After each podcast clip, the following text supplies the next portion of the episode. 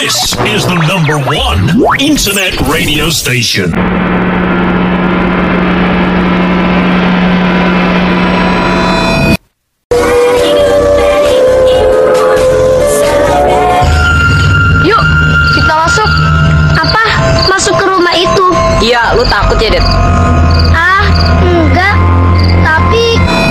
Sesuatu yang menimbulkan perasaan ngeri atau takut yang amat sangat. Hal-hal yang terjadi di luar nalar akan kita bahas di sini bersama saya Algasa dengan beberapa narasumber di podcast misteri kisah horor.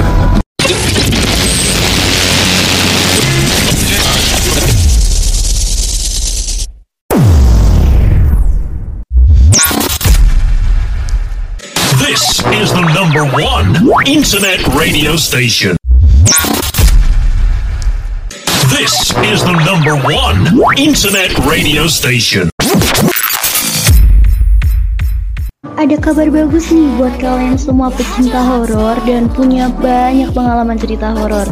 Kalian bisa loh jadi salah satu narasumber kami di podcast Misteri Kisah Horor. Caranya gimana? Kalian bisa langsung DM kami di @official kisah horor atau @pentol ke pentol. Ditunggu ya cerita-cerita dari kalian. See you in another podcast. Enjoy!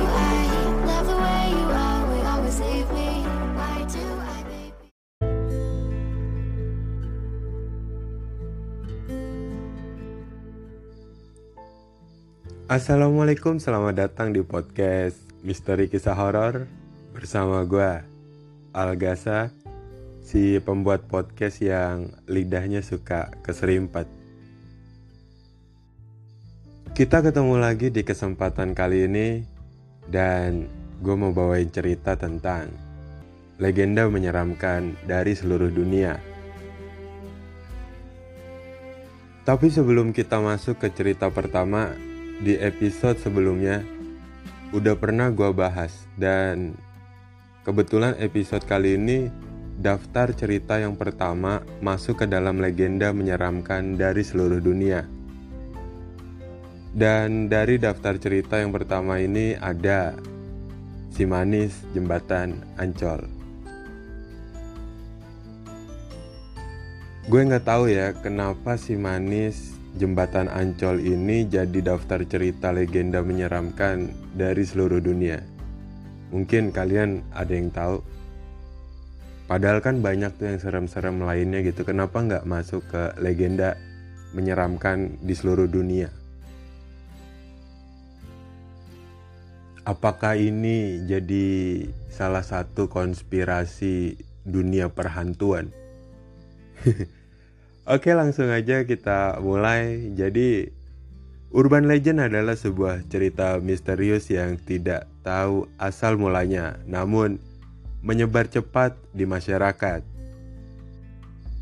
Legenda itu biasanya banyak mengandung banyak cerita rakyat sehingga sangat dekat dengan kehidupan masyarakat. Bahkan, kebanyakan urban legend diceritakan secara dramatis. Seakan-akan itu adalah kisah yang memang terjadi dan nyata. Si Manis Jembatan Ancol Siapa tak kenal si Manis penunggu Jembatan Ancol? Urban legend yang berasal dari Jakarta ini telah tersohor hingga ke luar pulau Jawa. Bahkan saking terkenalnya, kisah hantu ini sempat diangkat ke layar kaca dan menjadi hip di tahun 90-an. Ada beragam versi yang menceritakan tentang terbunuhnya si manis jembatan Ancol yang dulunya dikenal sebagai jembatan goyang tersebut.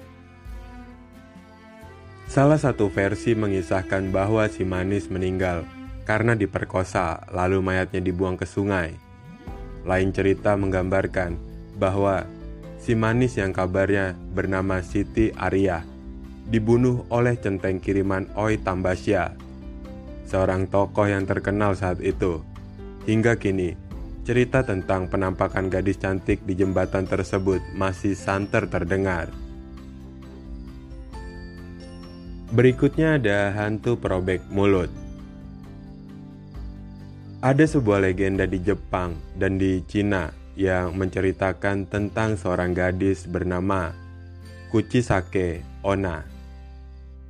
Beberapa orang mengatakan bahwa ia adalah istri seorang samurai. Suatu hari, ia berselingkuh dengan pria yang lebih muda dan lebih tampan. Ketika suaminya pulang, ia menemukan pengkhianatan istrinya. Karena murka, ia mengambil pedangnya dan merobek mulut istrinya dari telinga kanan hingga ke telinga kiri. Ada yang mengatakan bahwa wanita itu dikutuk untuk tidak pernah mati dan hingga sekarang masih mengembara di dunia. Berikutnya ada White Death. Ini adalah kisah tentang seorang gadis kecil di Skotlandia yang membenci hidupnya sendiri hingga akhirnya memutuskan untuk bunuh diri.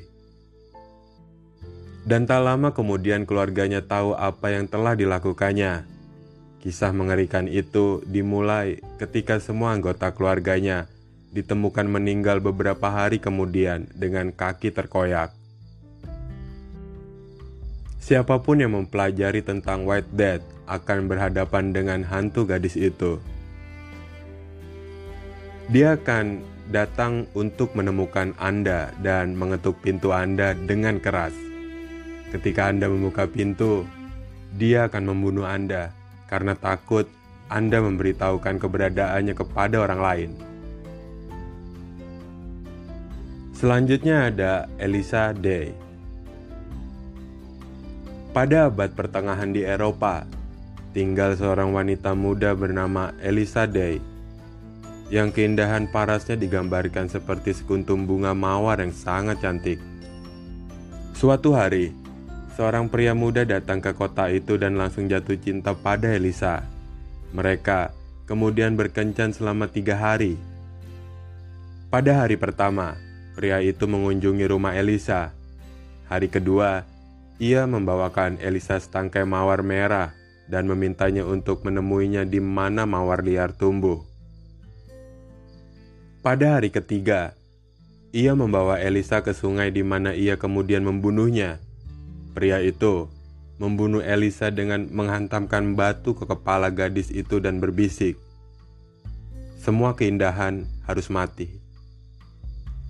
Beberapa orang mengklaim telah melihat sosok hantu Elisa yang berkeliaran di sungai. Darah tampak mengalir di sisi kepalanya sembari menggenggam setangkai mawar di tangannya. Berikutnya, Bloody Mary. Urban legend ini mengisahkan bahwa siapa pun yang mengucapkan kata Bloody Mary sebanyak tiga kali di depan cermin akan memanggil roh pendendam. Ini adalah sebuah legenda tua, namun tidak ada yang tahu tentang asal-usul legenda Bloody Mary.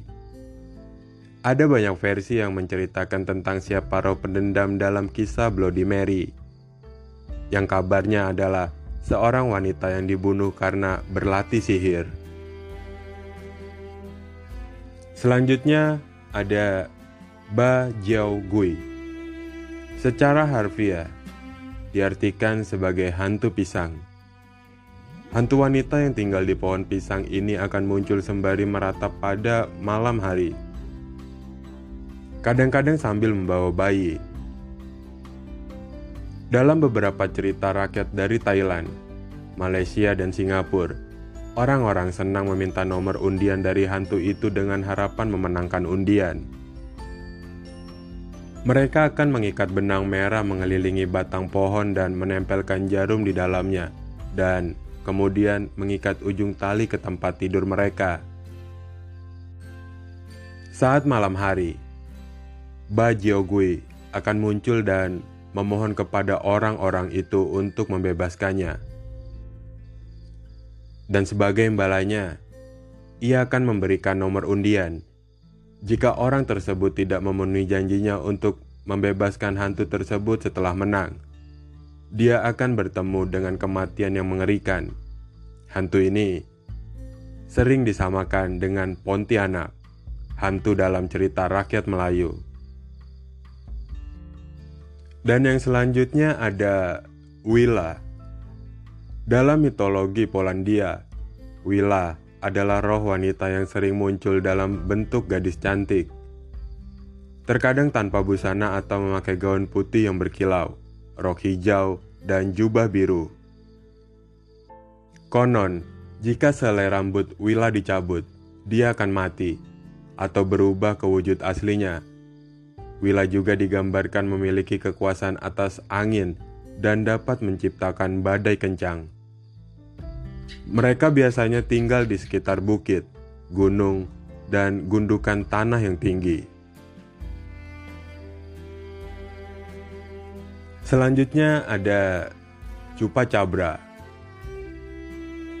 Cupa Cabra atau Cupa Cabras adalah makhluk legendaris yang dikabarkan menghuni benua Amerika.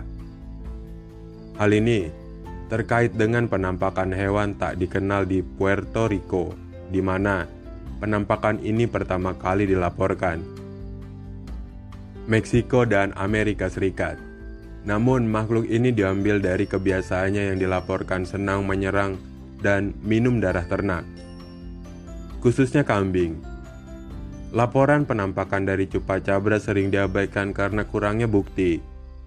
Para ahli biologi dan pejabat satwa liar menganggap Cupa Cabra hanyalah sebuah legenda yang menyebar di masyarakat dan belum terbukti kebenarannya. Berikutnya, Akamanto. Akamanto adalah urban legend terkenal dari Jepang yang menceritakan sosok roh jahat yang menghantui toilet sekolah. Roh itu akan bertanya apakah orang itu minta tisu merah atau biru. Dalam beberapa versi, Akamanto dikisahkan sering menanyakan apakah seseorang ingin jubah merah atau biru sering digambarkan sebagai seorang pria tampan yang terus-menerus diburu oleh pengagumnya. Akamanto suka memakai topeng untuk menyembunyikan wajahnya. Ketika seseorang sedang duduk di toilet, suara misterius akan muncul dan menanyakan apakah orang itu ingin tisu merah atau biru. Jika orang itu menjawab tisu merah, dia akan diiris terpisah sampai pakaiannya berwarna merah. Jika orang itu memilih tisu biru, dia akan dicekik sampai wajahnya membiru.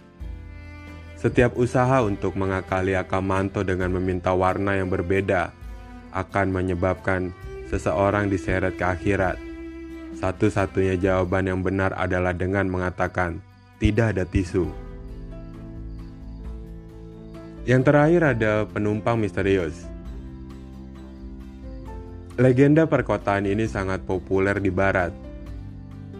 Konon, siapa pun yang berpergian sendiri saat malam dan menemukan seorang wanita yang meminta tumpangan akan mengalami kejadian aneh yang menyeramkan.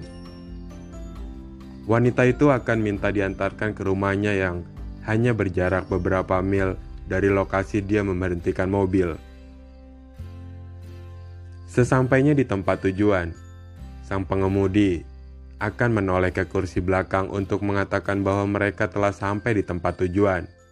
Anehnya, penumpang asing itu telah hilang dari kursinya. Nah, itulah urban legend paling menyeramkan dari seluruh dunia.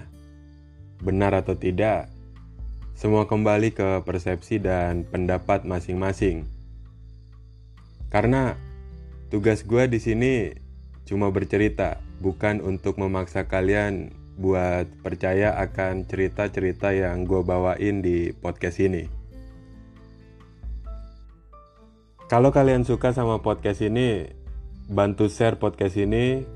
Kritik dan saran kalian bisa kirim melalui Instagram. Buat kalian yang mau request cerita atau cerita kalian mau dibawain di podcast ini, atau kalian mau promosi-promosi, langsung aja DM Instagram yang gue taruh di kolom deskripsi. Terima kasih, sekian dari gue. Kita ketemu lagi di episode selanjutnya.